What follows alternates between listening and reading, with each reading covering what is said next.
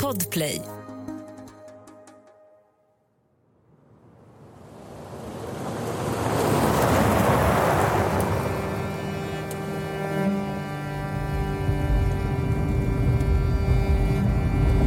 Polisen på Gotland har utsett en samordnare för nya försök att leta efter den försvunna Sven Sjögrens kvarlevor. Det är hösten 2021.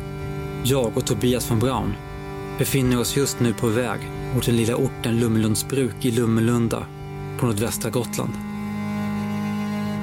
Det var här allt började. Både vad gäller själva fallet, men också hur vi fick upp ögonen för det. För många år sedan jobbade vi nämligen här som turistguider i den berömda Lummelundagrottan. Det var då vi första gången på allvar började intressera oss för fallet Sven Sjögren. En 62-årig lantbrukare som en dag i början av oktober 1972 försvann spårlöst från sitt hus alldeles intill grottans mynning. Du, har, har du hört något om, om Sven, Sven är borta? Jag har ju hört den här historien ibland under min uppväxt. Innan ni tog upp det här, då var det ju glömt. Det har ju fallit i glömska. Eh, Ni får börja fråga.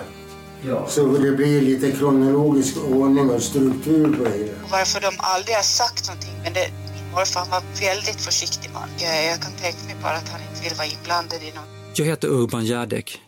Och jag heter Tobias von Braun. Det här är Kalla fall. En podcast där vi granskar okända och ouppklarade kriminalfall. Här har de gick och knackade dörr alltså.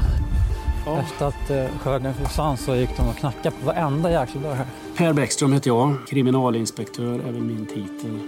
Jag kommer hålla i det från vår sida. Jo, den började leta efter, efter han. Då sa han, jag vet var han ligger, sa han. Hej, Urban Järdek och Tobias von Braun. Hej! Nej, nej, jag känner, jag känner till det. Nej, det, det, det är vi som gör den här podden om Sven Sjögren. Pappa jobbar med det här. Liksom. Han var eh, kriminalinspektör och tekniker. Så han säkrade mycket spår och så här. De ryktena som gick då, det var ju att han maldes ner som minkmat.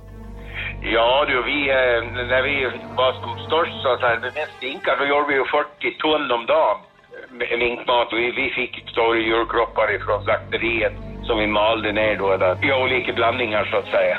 Det finns ett sätt att se om någon är psykopat. Det är egentligen det enda säkra sättet. Han kom varenda morgon, varenda morgon, varenda morgon. Och då sa jag så här till min gubbe så här. Att jag, bara han inte tänker göra någonting med Sjögren, sa jag. Har du några egna, haft några tankar genom åren vad du trott själv hä- hände och sådär? Att jag vill inte, vill inte komma med, med någonting som jag kan stå för. Nej, nej. Kalla fall. En podcast där vi inte bara ställer frågor utan försöker gå till botten med fallen som vi granskar. Jag tror ni är på rätt spår på något sätt. Ja, jag hoppas absolut, verkligen att ni... absolut. Det känns lite så faktiskt. Ja. Det känns som att han hade fått ro.